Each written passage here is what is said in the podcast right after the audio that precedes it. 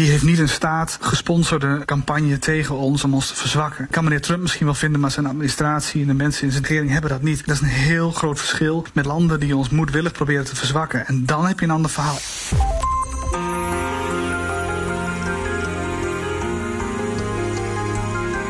Je luistert naar De Stratege, een podcast van BNR in samenwerking met het Den Haag Centrum voor Strategische Studies. Mijn naam is Paul van Liemt. As the coronavirus spreads across the world, misinformation about the virus is being shared online, and some of it could be coming from foreign governments or other actors. There is an increasing number of fake news about the coronavirus outbreak that are circulating, in particular online. Coronavirus isn't the only invisible enemy threatening Britain's way of life. As the COVID 19 epidemic sweeps across the world, it's been accompanied by a tsunami of misinformation. Tijdens de coronacrisis hebben we massaal behoefte aan informatie. We willen weten wat er gebeurt, wat we moeten doen om gezond te blijven... en wat onze leiders doen om ons er zo goed mogelijk doorheen te loodsen. Wat je moet doen is dat je transparant vertelt wat je doet, waarom je het doet, wat je kunt doen. Kunnen niet anders, want mensen willen gewoon weten hoe het zit. Maar juist nu kun je er nog minder van op aan dat wat je leest en hoort ook klopt. Het internet wordt overspoeld met desinformatie. Niet zelden door toedoen van andere landen die er belang in zien om maximale verwarring te creëren. Two countries in particular come to mind. Chinese government official implying the U.S. Army created the virus. And then there's Russia, which disinformation watchdogs say is pushing ideas like hand washing doesn't help prevent the spread of COVID. Maar dat dit gebeurt is niets nieuws. Het gebeurt al jaren. En het zal ook blijven gebeuren als het coronavirus beteugeld is. Wat moeten we dus doen om onszelf er tegen te wapenen? Moeten we vooral onszelf weerbaarder maken? Of moeten we juist meer doen om de daders aan te pakken? We zien het steeds meer toenemen. We hebben het bij de Brexit-campagne gezien dat Rusland bemoeienis had. In de Verenigde Staten met de campagne. Ze proberen verkiezingen ook te beïnvloeden. Dus het is echt tijd dat we nu als Nederland het heel serieus nemen. Dat is wat ik ga bespreken in deze aflevering van De Stratege... met mijn gasten Bart Groothuis. Lid van het Europees Parlement voor de VVD. Ik doe daar twee dingen. Defensie en buitenlandse zaken. De tweede is alles wat te maken heeft met industriebeleid, technologiebeleid, cyber en energie. En Loek Fase. Strategisch analist bij het Den Haag Centrum voor Strategische Studies. Daar werk ik vooral aan cybersecurity of internationale vrede en veiligheid in cyberspace.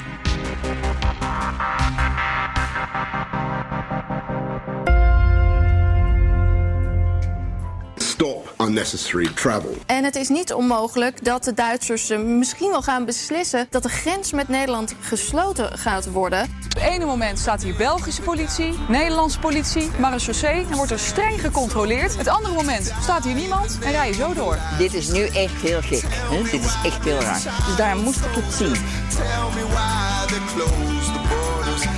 Bart, jij komt uit Nederland. Eh, Je werkt normaal in Brussel, België. Is geboren in België, maar die spreken we dus vanuit Nederland. Eh, Kunnen jullie zo de grens overrijden naar jullie eh, geboortelanden op dit moment, Bart? Het is iets moeilijker. Je hebt een uh, laissez-passer nodig. Dat is een chic Frans woord voor dat je mag, echt een noodzaak hebt om in België te zijn of in Nederland te zijn. Dus je moet wel een goed verhaal hebben. Je komt niet zomaar de grens over. Dat is een mooie zeg, een laissez-passer. En daarbij ook nog een goed verhaal. Wat is jouw goede verhaal geweest om de grens over te komen? Dat je hier moest zijn voor de uitzending. Ik heb midden in de coronacrisis een nieuwe medewerker aangenomen. Die had op 1 april haar eerste werkdag. En als ik niet eventjes eh, haar computer zou ophalen, dan zou ze offline zijn. En daar heb ik er niks aan. Dus ik, heb, ik ben vijf minuten in het parlement geweest en toen weer naar huis. Ah, kijk eventjes. Ja, dat is, dat is een ijzersterk verhaal. Ja. En Loek, heb jij ook zo'n verhaal? Nee, ik heb geen laissez-passer, ehm, maar eh, ik ben al een half jaar niet meer thuis geweest in België. Eh, familie niet gezien. Maar eh, binnenkort heb ik al een goede reden. Mijn broer gaat eh, trouwen, dus dan eh, hopelijk eh, met een eh, stempeltje op het document... wat er een beetje, eh, ehm, eh, eh, eh, een beetje goed uitziet, dan kom ik al de grens over. Nou, dat lijkt me toch ook eh, een goed verhaal. Bart, je was eh, hoofd van bureau Cybersecurity bij Defensie. Eh, Zag je daar ook eh, veel nepnieuws voorbij komen? Ja, dat is wel bijzonder dat vraagt. Kijk, in 2012, 13 toen ik begon, dacht ik van nou, dan gaan we ons bezighouden met hackers en hoe die eh, systemen binnenkomen en binnendringen met computers. En in 2014, in de loop van 2014, zagen we dat hackers eh, bijvoorbeeld e-mailadres of eh, boxen eh, hackten en dat vervolgens online zetten. Dat was heel bijzonder. Of dat ze een website of eh, bedrijven of ministeries hackten en dan vervolgens daar nieuws van maakten. En dat was voor ons wel nieuw.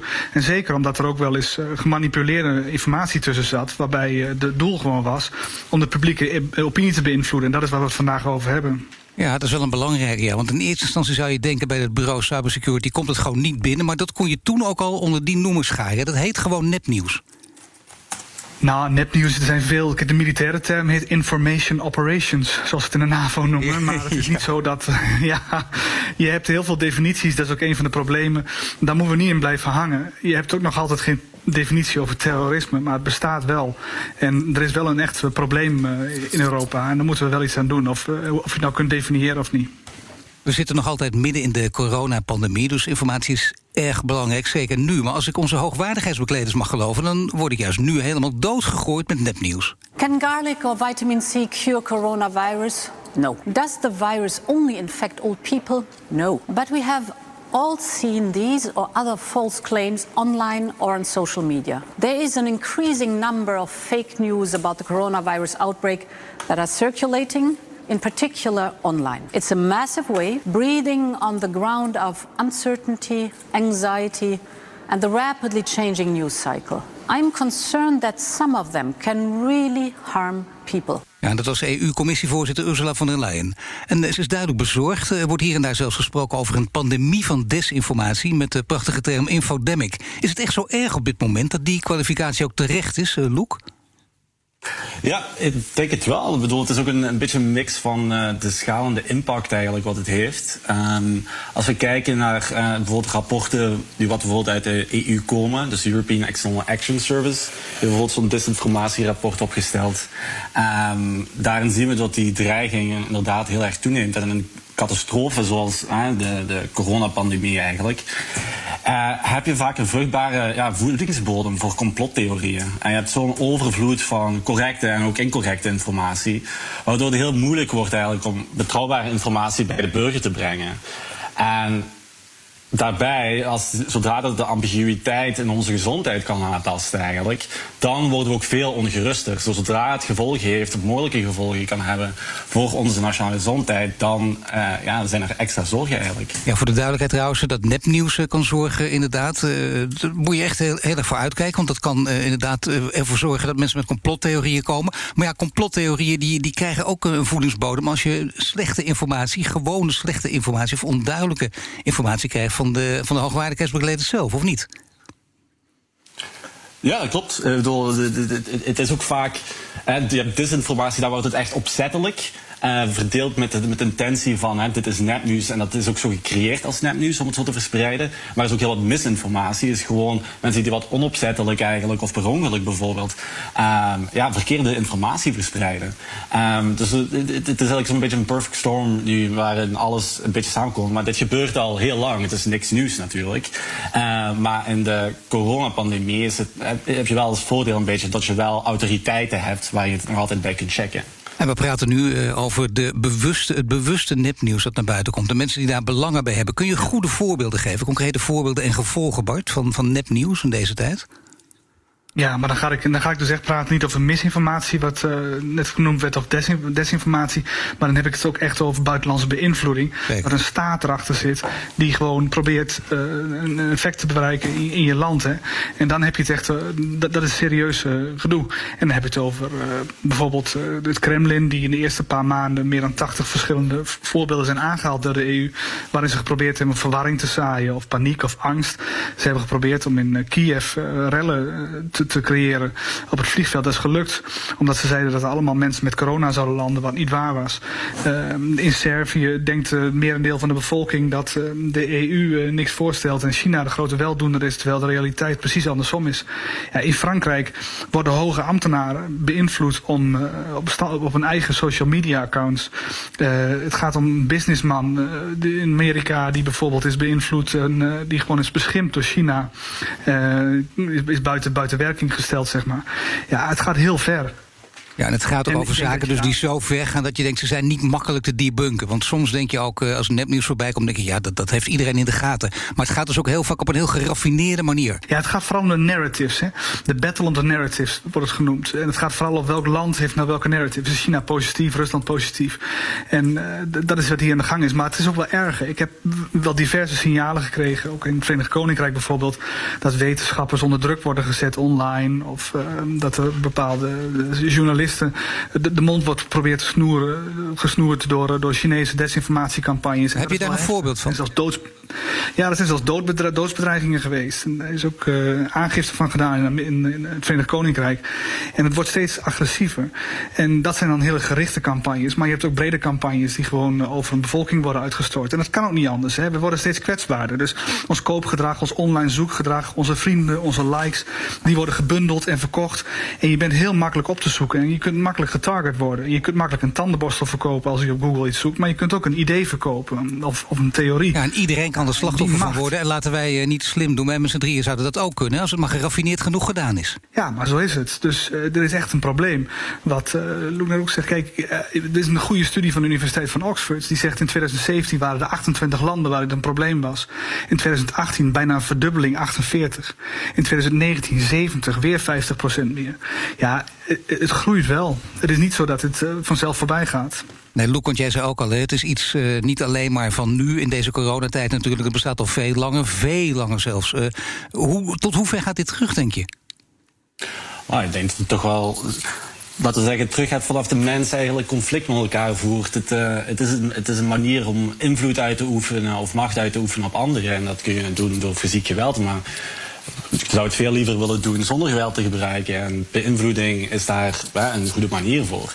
Nu is het wel zo dat hè, digitalisering, zoals Bart al zei, dat heeft het gewoon enorm versneld. En de platformen zijn veel groter geworden. Dus de Russische, als we bijvoorbeeld Rusland als voorbeeld nemen, ze hebben al heel lang, sinds de Sovjet-tijd, doctrines uh, waarin eigenlijk het belangrijkste is narrative, zoals Bart ook zei, de narrative control en, en, en informatie eigenlijk als wapen neerzetten. Dus alle operaties zijn eigenlijk gericht met een informatiecomponent. Um, dus dat gaat al heel lang terug eigenlijk. Um, gewoon de middelen die wat ze nu ter beschikking hebben, die voor de eerste keer faciliteren ze dat ook gewoon. Dus ze kunnen dit nu, nu op grootschalige manier gewoon uitrollen. En gaat het ook uh, gelijkelijk op en neer tussen het Westen en de anderen? Dus het Westen en China, of het Westen en Rusland? Met de betrekking voor het inzetten van desinformatie. Zeker. Ik zou zeggen, kijk, het, het, het, iedereen doet het in zekere mate. Hè? Dus wat we zei, binnen NAVO heet het informatieoperaties. Um, het, het, het, verschil is dat het Westen dit uh, vaak, als ze dit, als ze dit soort informatie- of beïnvloedingscampagnes uitvoeren, dat deden ze vaak heel gericht. Um, en ook vaak met, uh, als ze het breder deden, dan is het ook bijvoorbeeld strategische communicatie, wordt dat dan genoemd. Dan is dat een, een, een, een door ministeries van Buitenlandse Zaken wordt dat dan gedaan. Maar mag men li liegen. Dat is de regel. Daar wordt er alleen maar de waarheid genoemd. Uh, dus hoe breder je publiek eigenlijk, hoe hoe meer, hoe dichter je bij de waarheid moet gaan zitten eigenlijk volgens de Westen. En dat is een beetje het eikpunt, de waarheid. Voor het oosten, of laten we zeggen voor Rusland, is er is niet zo'n eikpunt van de waarheid. Uh, uh, beter nog, zij willen net dat er een pluraliteit van waarheden komen.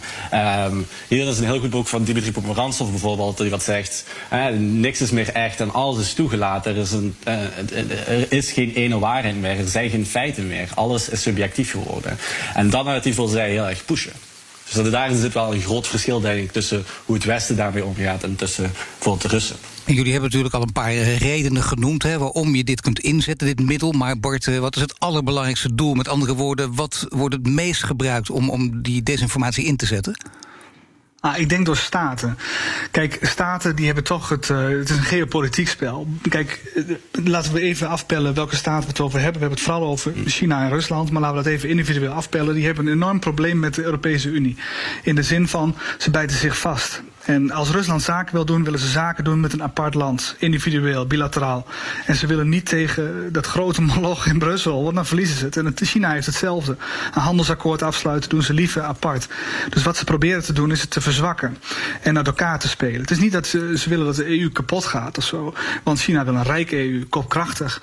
Uh, en Rusland wil het ook. Ze willen dat ons gas gekocht wordt. Maar ze willen wel allebei een wezenlijk andere veiligheidsarchitectuur bijvoorbeeld. En ze willen wel dat de EU intern verzwakt wordt. Ze willen een paar pionnen hebben in, een, in, in, in, het, in het Westen, in Europa, waarmee ze een veto bijvoorbeeld. Maar als het bijvoorbeeld nu gaat over dat herstelplan, hè, waar veel uh, over te doen is natuurlijk, en waar het gaat over Noord-Europa ja. tegenover Zuid-Europa. Nou, als je dan uh, desinformatie wil gebruiken, verwarring wil zaaien, te, uh, landen tegen elkaar uit wil spelen, een, een, ja, een ideaal onderwerp, een ideaal moment ook. gebeurt er op dat front ook een en ander? Uh, is een, heel goed voorbeeld wat u noemt. Dit, is precies, dit zijn precies de dingen. En anders, racisme of het gaat over uh, buitenlandse of migranten. Dat zijn precies de thema's die ze eruit pikken. In Afrika wordt het geëxporteerd.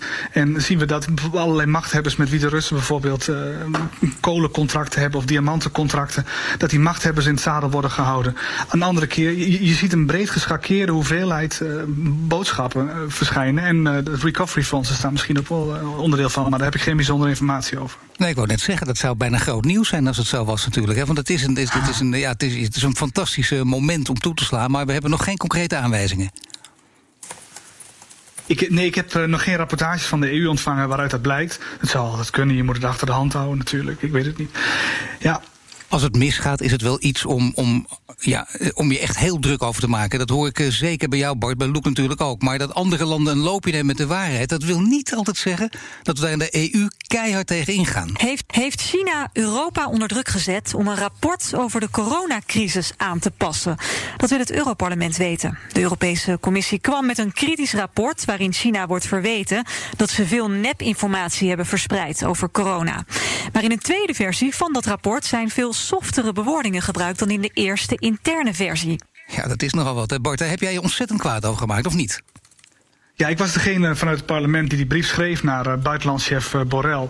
En dat hebben een aantal uh, parlementariërs onderschreven. En toen heb ik een beetje in de internationale media daar wat fus over gemaakt. Want ik vind niet dat je je onder druk moet laten zetten door een land als China. Die komen nu heel snel op. En je moet wel weten dat je je politieke soevereiniteit goed in de gaten houdt. Dat je, dat je zelfstandig blijft nadenken en redeneren. Zou het nog wel wat steviger mogen? Want je zegt, jij hebt dat gedaan, je moest fus maken. Maar je zou zeggen, dat doet dat toch bijna iedereen? De hele Europese parlement wordt boos? Ja, dat zou je zeggen. En uh, ik zit net vier maanden in het parlement. Ik vind het volstrekt logisch om zo'n punt op te pakken. Maar ja, andere mensen hebben dan zoiets van... ja, er zijn een paar woordjes aangepast. Ik heb zoiets, nee, je laat je onder druk zetten. En dat kan niet. Want je laat je dan ook onder druk zetten over andere dingen... waar, waar onze waarden uh, gewoon keihard gelden. En hier gelden onze waarden ook. Het is een onafhankelijke analyse die je wil. En je wil niet de waarheid van China op, opgedrongen worden. Want dan weet je waar je eindigt. Nou, we waren het er net al over eens en we zagen dat ook aan de hand van voorbeelden. Het is al een tijdje aan de gang, die stroom van desinformatie die op ons afkomt. Uh, zijn we er inmiddels al goed op toegerust om ons er tegen te wapenen? Met andere woorden, welke middelen hebben we daarvoor, Loek? Ja, kijk, in, het, in Europa hebben we vooral eigenlijk gefocust op de bescherming of de resiliency of de weerbaarheid vergroten. Um, dat is aan de ene kant, hè, dus de populatie zelf, dus eh, de, de kritieke massa creëren. Dus mensen moeten goed opgeleid zijn. En als je bijvoorbeeld vergelijkt met de VS, eh, staan we daar veel beter voor dan, uh, dan Amerika bijvoorbeeld. Um, wij hebben veel meer vertrouwen in onze instituten uh, dan de VS. Uh, we zijn ook veel kritischer over het nieuws. We hebben ook een veel diverser nieuwslandschap. Het is niet zo bipolair als uh, binnen de VS. Als je bijvoorbeeld kijkt, er was nog onlangs een poll van Pew Research... waarin maar slechts één op vier Amerikanen onderscheid kon maken tussen feit en mening.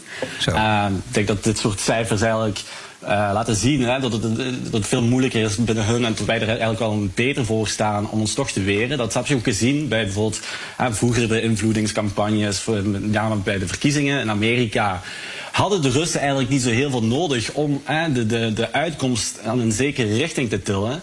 Uh, omdat er was al heel weinig vertrouwen in de instituten. Uh, terwijl in Europa ja, is toch, was het toch veel minder succesvol, had een veel kleinere impact. Um, dus ik denk dat wij gewoon wel iets beter zijn in die zin uh, in de weerbaarheid van onze samenleving en een beter medialandschap om hiermee om te kunnen gaan. Uh, de EU doet er bijvoorbeeld ook al heel veel voor. De EU Stratcom East, die flagt van disinformatie. Uh, dat kan dan worden opgepikt door hè, de, de, media, mediapartijen eigenlijk binnen, binnen de Europese Unie. Die kunnen dat gebruiken. Die kunnen dat dan ook debunken daarna. Dus eigenlijk zeggen van, hè, de, de, zeggen van nou, dit is netnieuws. En dat dan ook gewoon openlijk zeggen van, bijvoorbeeld met die 5G. De 5G-masten moesten dan corona hebben, hebben veroorzaakt. Nou, dat werd ook al in het nieuws opgepakt en gezegd van, nou, dit is duidelijk onzin. Uh, dat kwam ook trouwens uit België. Um, maar dit zaadje was ook al veel eerder gepland door uh, Russia Today, volgens de RT. Uh, dus de hele tijd heel wat disinformatie over de 5G-campagne verspreiden. Uh, mogelijk ook met intentie dat uh, die race voor 5G wordt vertraagd. Wat dan ook weer het voordeel van Rusland zou kunnen zijn. Maar belangrijk is dus, Loek, een harde dader aanpakken. Je geeft er wat middelen aan, maar we horen net van Bart ook... Uh, ja, de echte wil om aan te pakken is er niet echt. Bart is nog fris, die zit er net een paar maanden in het parlement... maar misschien als je er wat langer zit, dan denk je... nou, laat maar lopen, het gaat om een paar woordjes. wat, wat moet je eigenlijk doen om te zorgen dat men veel scherper hierop is?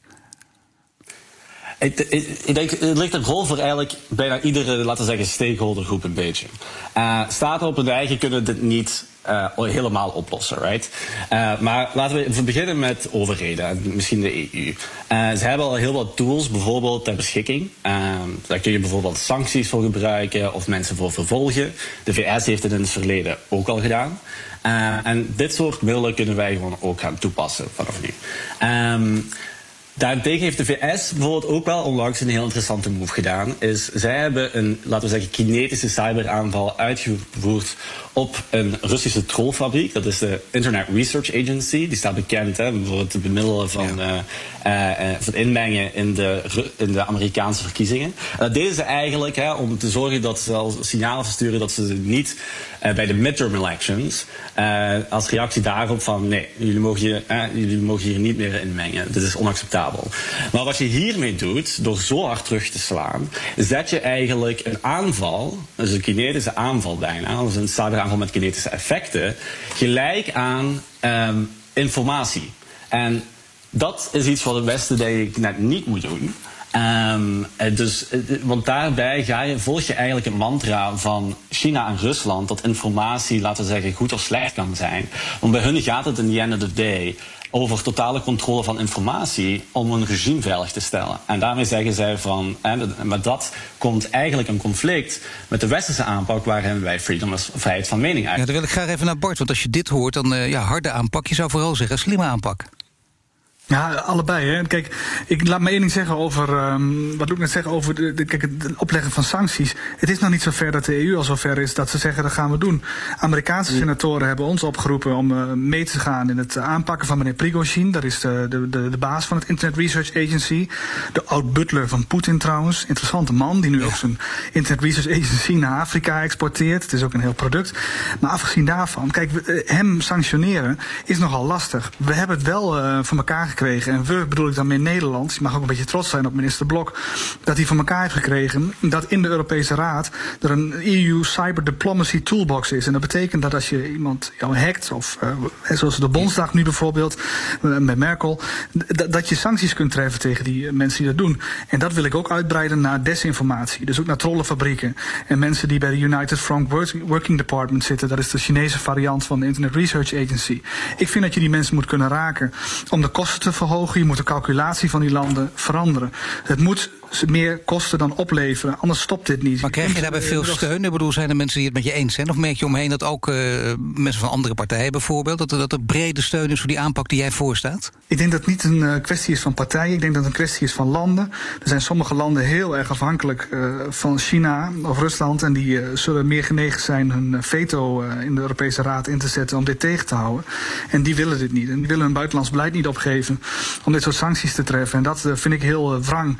Want je moet als Europese Unie, als je geopolitiek uh, in de verdrukking komt, moet je wel af en toe wat kunnen laten zien. Maar dat is helemaal erg. Hè? Dan is uh, ook in de aanpak uh, kun je verdeeldheid zaaien. Ja, maar die, de haven van Piraeus is niet voor niks opgekocht. En telecomproviders in Hongarije. En de, de, de Chinezen zijn ongelooflijk bezig en slim geraffineerd bezig om landen in de EU afhankelijk van hun politieke invloed te maken. En ja, dit is niet iets wat zomaar weggaat. En Italië, dat zich natuurlijk aansluit bij China in bepaalde opzichten. Spanje, Portugal allemaal belangrijk. Ja. We hebben het over desinformatie. Nee. Desinformatie wordt vaak uh, verspreid via, via social media, hè, zoals Twitter. Een bekende wereldleider, zoals jullie weten, die heeft niet zo'n goede band met het platform. President Trump hit back at Twitter today, accusing them of censoring conservative voices after the social media giant took the extraordinary step of attaching fact checks to two of the president's tweets filled with false information. They try to silence views that they disagree with by selectively applying a fact check, fact check. FACT, fact check. President signed an executive order aimed at stripping away legal protections from social networks so they could be sued or punished for the content their users post. Ja, wat op neerkomt, Trump grijpt dus nu met een decreet in op de sociale media. Hij wil de platforms aansprakelijk maken voor de inhoud die daar wordt geplaatst. Is dat nou de weg die ook zou moeten worden bewandeld als het op, op desinformatie op social media aankomt? Bart? Nou, kijk, er is een discussie um, binnen het Europees Parlement gaande ook al van, uh, over, over dit soort zaken. Uh, die wordt allemaal in het najaar beslecht. Maar kijk, wat mijn stelling is, wat online strafbaar is, is ook offline strafbaar. En heel veel is al gewoon in place. De discriminatie is strafbaar. Aanzetten tot haat is strafbaar. Dus als iemand daar twijfels heeft, of een, of een platform daar een rol heeft, een overheid daar een rol heeft, ja, daar hoeft geen twijfel over te bestaan. Ik vind dat je iets meer uh, uh, regulering mag hebben op uh, social media. En dat je iets meer mag inkijken naar als dit, dit, dit de Maar wat betekent dat? Want dit zijn altijd moeilijke termen. Als een politicus dat gaat zeggen natuurlijk. Hè? Iets meer regulering. Wat is dat dan? Nou, wat je niet moet hebben is de uitkomst. En het gaat niet om de content. Het gaat veel meer om het gedrag en de intentie erachter. Kijk, als je gedrag ziet wat niet deugt. En dat betekent gedrag bedoel ik dus het massaal beïnvloeden van de publieke opinie. Om bijvoorbeeld buitenlandse beïnvloeding toe te passen. Dan moet je dat tegengaan. En ik vind niet dat je moet gaan censureren op content. Maar ik moet, je moet wel het gedrag eruit zien te filteren. Kijk, wat we net over hadden. Soms kan het zo zijn dat je allerlei samensweringstheorieën krijg je naar je hoofd gegooid. En uh, allerlei uh, dingen. Dat, zonder dat je in de gaten hebt dat er een campagne achter zit. Ik vind dat dat wel moet. Kijk, je moet wel uh, de samenhang van bots bijvoorbeeld. Dat zijn ja. samenhangende accounts die een bepaalde informatiestroom op gang brengen. Dat je dat mag blootleggen. Ik vind het een taak. Maar dat moet gereguleerd worden. Dus die platformen die moeten de opdracht krijgen van de overheid om dat te doen. Zodat het inzichtelijk wordt. Ja, Loek, kijk je er ook zo tegenaan? Uh, ja, dat ligt, ik denk, kijk, zeker een, een, een verantwoordelijkheid bij deze platformen om dit hier aan te pakken. Um, en ik denk dat ze daar ook al wat vooruitgang in hebben gemaakt. Uh, Langzaam, maar zeker. Uh, maar bijvoorbeeld bij sommige wetgeving zie je ook bijvoorbeeld binnen uh, NetzDG, binnen het Duitse bijvoorbeeld tegen hate speech, zie je ook bijvoorbeeld dat de community-regels eigenlijk vanuit YouTube bijvoorbeeld zelf, dat die eigenlijk meer dingen neerhalen met hate speech dan bijvoorbeeld NetzDG. Uh, dus ik, ik weet niet, het is niet altijd een silver bullet, maar ik, ik, denk zeker de tijd dat deze platformen ongereguleerd worden en, verder kunnen gaan, is wel degelijk voorbij. Mag ik je even onderbreken? Mag ik je toch even onderbreken als het gaat over die community-richtlijnen? Vind je, geven ze daarmee ook niet erg veel macht, deze Ja, want dat is ook natuurlijk de zorg van. Hè, je gaat eigenlijk de, de verantwoordelijkheid bij de private sector neerleggen om, te, dan te beslissen van wat is goede content en wat Nou ja, niet democratisch gekozen platformen kunnen dan bepalen wat er wel of niet Precies, naar buiten mag komen. En daar ligt dan inderdaad een zorg. En in sommige gevallen zijn we het allemaal eens bijvoorbeeld dat zij zo'n assessment kunnen maken. Bijvoorbeeld hè, als het iets gaat over uh, uh, hate speech bijvoorbeeld, of het aanzetten tot geweld, dit soort zaken allemaal zijn we ja. het over eens. Maar in heel veel andere zaken ligt dat natuurlijk wat moeilijker en ligt die nuance erin. En dan is het toch wel moeilijker voor hè, medewerkers daar om zo'n assessment te maken eigenlijk. Ja, wil ik even graag van Bart weten, hoe, hoe, kijk je daar tegenaan als het gaat over die community-richtlijnen? Er is geen probleem met meneer Trump bijvoorbeeld. Die, uh, die, die, die heeft geen gecoördineerde actie tegen de Europese Unie. Dat wil ik nog even aanvullen. Die heeft niet een staat gesponsorde campagne tegen ons om ons te verzwakken. Dat kan meneer Trump misschien wel vinden, maar zijn administratie en de mensen in zijn, ding, in zijn regering hebben dat niet. Dat is een heel groot verschil met ja. landen die ons moedwillig proberen te verzwakken. En dan heb je een ander verhaal. Ik vind in algemene zin dat tech-platforms veel en veel te weinig transparant zijn over wat ze nou tegenhouden en ja. wat uh, basis waarvan. Het gaat heel gemakkelijk met filteren. Dat is een hele goedkope manier voor hun om content eruit te halen welke filters passen ze toe? Wat houden ze tegen? Ik heb met de slimste wetenschappers in de wereld gevraagd en die weten het niet. En het nee. is gewoon niet duidelijk hoe ze dat doen. En ja, Mark Zuckerberg vraagt om gereguleerd te worden. Ja, ik denk dat er wel een taak ligt voor de Europese Unie om dat te doen. Ik zou net zeggen, ja, als hij erom vraagt, dan uh, moeten we hem onmiddellijk gelijk gaan geven. In Nederland is met name minister Kaja Ollongren degene die, die vaak heeft gewaarschuwd voor met name Russisch nepnieuws. U schrijft in die brief, we worden stiekem beïnvloed. Als ik u zo hoor, dan wantrouwt u waarschijnlijk alles wat u leest. Nee, uh, ik wantrouw niet alles wat ik lees, want ik vind gelukkig hebben we in Nederland een hele goede journalistiek. Uh, maar ook bij ons glipt er wel iets doorheen. De NRC heeft daar ook over gepubliceerd. Ik vind dit dus echt ongelooflijk gevaarlijk hè, wat hier gebeurt. Wat je ziet is dat er vanuit politieke motieven en vanuit politieke actoren een oordeel geveld gaat worden over ons debat. Over, over het nieuws of de meningen of de informatie die we met elkaar delen. Nou, dat is een mooie vraag voor een politicus, hè, want je hoorde Keizer Longren en Thierry Baudet in gesprek bij Eva Jinek. Heeft Baudet hier een punt met het gevaar dat hij signaleert, uh, Bart? Oh, er is altijd een gevaar, meneer Van Liep. Maar het is ook zo dat... Uh, oh, meneer Van Liep. Meneer Groothuis, meneer Groothuis. Zo ben, ik, zo, ben ik, zo ben ik opgevoed, daar kan ik niks aan doen. Maar er is altijd een gevaar. Maar waar het om gaat is, er wordt geen debat gesmoord. Kijk, als je een, een door een staat gesponsorde campagne tegenhoudt of uh, smoort, dat is wat anders dan uh, dat, je, dat je zegt van joh, misinformatie. Waar meneer Baudet hier het over heeft, lijkt te gaan over misinformatie, waar in het begin van de uitzending aan werd gerefereerd. Het heeft ook wel eens een, een, een slechte uitstraling naar het publiek toe. Maar het gaat er niet om om massaal buitenlandse beïnvloeding uh, toe te staan. Dat is een heel, ander, heel ander probleem en daar hebben we het hier vooral over. Nou ja, maar zie je misschien dat er toch een bepaald risico in schuil gaat? Want uh, kan het een excuus worden om, om uh, inhoud te censureren waarvan we gewoon geen fan zijn? Met andere woorden, wie bepaalt dan wat de waarheid is. Uh, kijk wat Trump doet met Twitter, bijvoorbeeld. Nou, er moet nooit een waarheidsministerie komen in Europa. Je kunt ook niet zeggen van tevoren zijn deze uitingen of deze woorden zijn niet toegestaan. Ik vind dat iedereen die, dat vindt, vind ik dat heeft een goed punt. Maar je hebt wel te maken met gedrag wat niet kan. En dat betekent dat er bijvoorbeeld bots zijn. Nou, dan kun je gewoon tegengaan. Het gaat er niet om de content van wat die mensen, wat die bots uh, uiten, maar wel om het verspreiden van die content. Omdat het gewoon met een intentie gebeurt. Om, die, die therapeut is om rotzooi trappen. En dat moeten we niet willen. Minister Ollongren die werd uh, overigens ook uh, gevraagd naar voorbeelden van het Russische nepnieuws, maar ze kon niet met echte duidelijke voorbeelden komen. Uh, ondermijnt het dan niet ook het Nederlandse verhaal? Loek? Er zijn genoeg voorbeelden. Oh, sorry. Ja. Bart eerst. Nee, ga maar eventjes. Meneer Groothuis. nou, nee, er, er zijn, er zijn genoeg voorbeelden. Je, je, kunt dagelijks kun je het op Facebook zien. De, de Twitter-trollen die, die achterna zitten en zo. Die zijn er. Uh, waar meneer, mevrouw Longren het in de Kamerbrief over had, was een besloten social media groep waar de AIVD iets gezien had.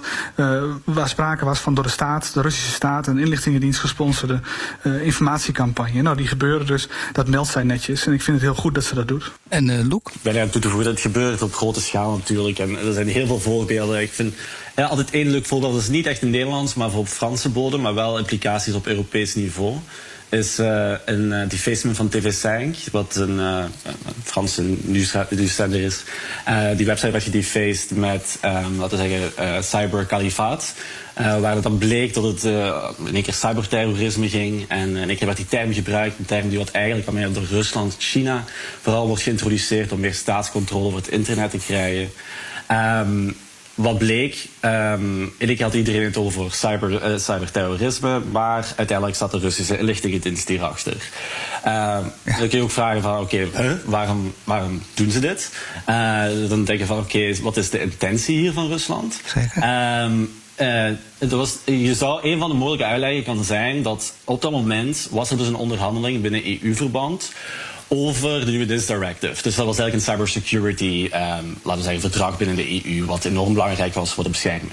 En in één keer was er dus heel veel sprake van, oh, we moeten iets met cyberterrorisme doen. Een term die wat daarvoor nooit werd gebruikt door het Westen, want het was in ja, omdat terroristische groeperingen gewoon niet de capaciteit hadden en dat het een slippery slope is. Dus je gaat eigenlijk de richting in van China en Rusland. Uh, met het gebruik van dit soort termen. Wat zij bijvoorbeeld gebruiken voor dissidentische kritiek van uh, Tibet bijvoorbeeld over het, uh, over het Chinese communistische partij te onderdrukken. Dat is cyberterrorisme voor hun, dat is inhoud.